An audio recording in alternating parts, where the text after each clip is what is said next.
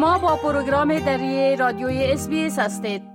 شنمینده های عزیز حال سام انوری همکار ما درباره تازه ترین رویداد روز صحبت می‌کنه. آقای انوری سلام عرض می‌کنم. خب مهمترین رویداد در ایش و روز آغاز مسابقات جام جهانی است که یک مسابقه او یک مقدار جنجال و غوها هم به بار آورد که او مسابقه ایران در مقابل انگلستان بود. بله. با سلام به شما و شنوندگان عزیز. بله همونطوری که شما اشاره کردید حضور تیم ملی ایران در جام جهانی و نخستین بازیش در زمانی که اعتراض های ضد دولتی در ایران ادامه دارند. و نیروهای امنیتی ایران از خشونت شدید در برابر معترضان کار می‌گیرند با حاشیه های همراه بود.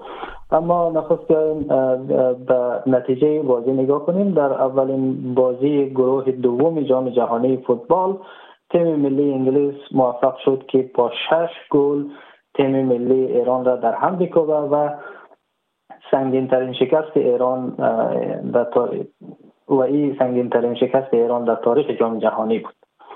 از تیم انگلیس جود بلینگام در دقیقه 35 بوکایو ساکا در دقایق 43 و 62 رحیم استرلینگ در دقیقه 45 مارکوس رشفورد در دقیقه 71 و در نهایت جک گریلش در دقیقه 90 دروازه ایران را باز کردند گل های تیم ملی ایران را هم مهدی طارمی در دقیقه 65 و همچنین در وقت اضافی بعد از دقیقه 90 با پنالتی وارد دروازه انگلیس کرد. سنگین ترین باختی قبلی ایران در بازی های جام جهانی شکست چهار بر صفر ای تیم در جام جهانی 1978 در آرژانتین از تیم پیرو بود. کارلوس کیروش سرمربی تیم ملی ایران که قبلا گفته بود تمرکز اصلی او معطوف به بازی اول ایران در قطر خواهد بود بعد از پایان بازی با وجود باخت سنگینی که تجربه کرده بود به بازیکنان انگلیس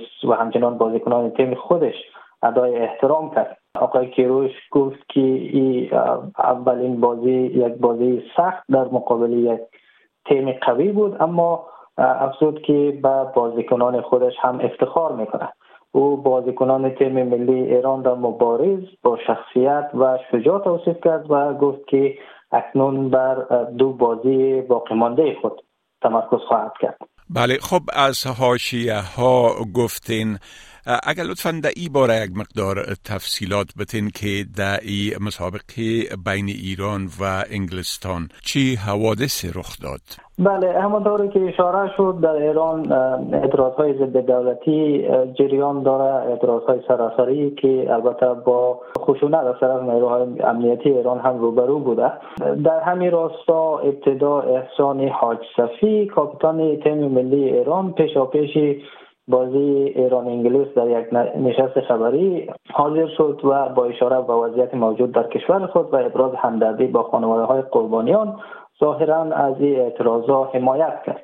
او با اشاره به این اعتراض های سراسری که پس از کشته شدن محسا امینی در بازداشت گشت ارشاد آغاز شدن گفت که باید قبول کنیم که شرایط کشورمان خوب نیست مردم شاد نیستند و همه ناراحت هستند. ما اینجا هستیم اما این دلیل نمیشه که صدای اونها نباشیم و یا به اونها احترام نگذاریم. سپس در آغاز بازی ایران و انگلیس. بازیکنان تیم ملی ایران در حمایت از اعتراض های مردمی ضد دولتی از زمزمه کردن سرود ملی جمهوری اسلامی خودداری کردند و این باعث شد که شبکه های تلویزیونی ایران برای لحظات نشرات زنده خود را قطع کنند.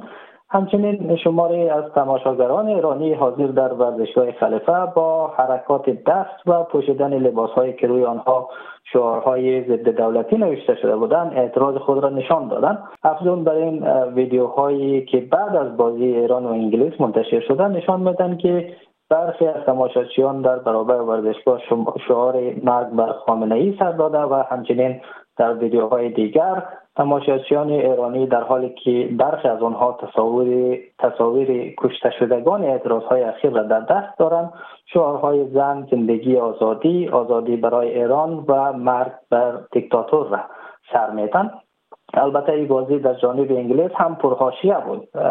هریکین کاپیتان تیم ملی انگلیس که گفته بود بازوبند موضوع به وان لب یا یک عشق در حمایت از دیگر باشان جنسی یا LGBTIQ پلاس می پوشه بعد از هشدار فیفا و دادن کارت زرد از این کار خود منصرف شد.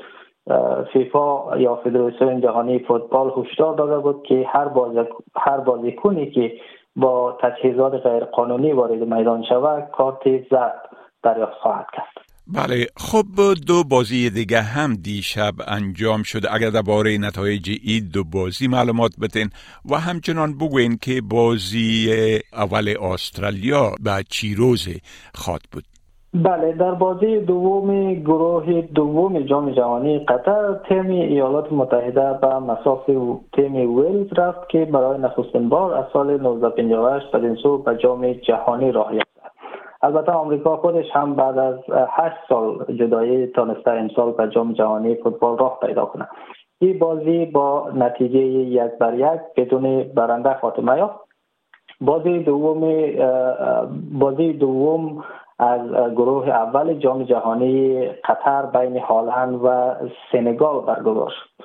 نیمه اول بازی به نتیجه به پایان رسید اما هالند دانست که با زدن دو گل در دقایق 83 و آخر بازی سنگال را دو به صفر شکست بده در روز سوم مسابقات تیم ملی استرالیا در نخستین بازی گروه چهارم یا گروه دی مقابل قهرمان جام جهانی 2018 فرانسه قرار می‌گیرد و از گروه سی هم آرژانتین به مساف عربستان سعودی و از گروه دی دانمارک و مساف تانزانیا میره. و در اخیر هم فراموش نکنید که اس حق انحصاری پخش رایگان جام جهانی قطر را در استرالیا داره و شما می‌تونید که بازی های جام را به صورت زنده از طریق تلویزیون SBS و همچنین وبسایت یا اپ SBS On Demand به طور زنده و آنلاین تماشا کنید. بله خب بسیار تشکر آقای انوری از این معلوماتتان و فعلا شما را به خدا می سپارم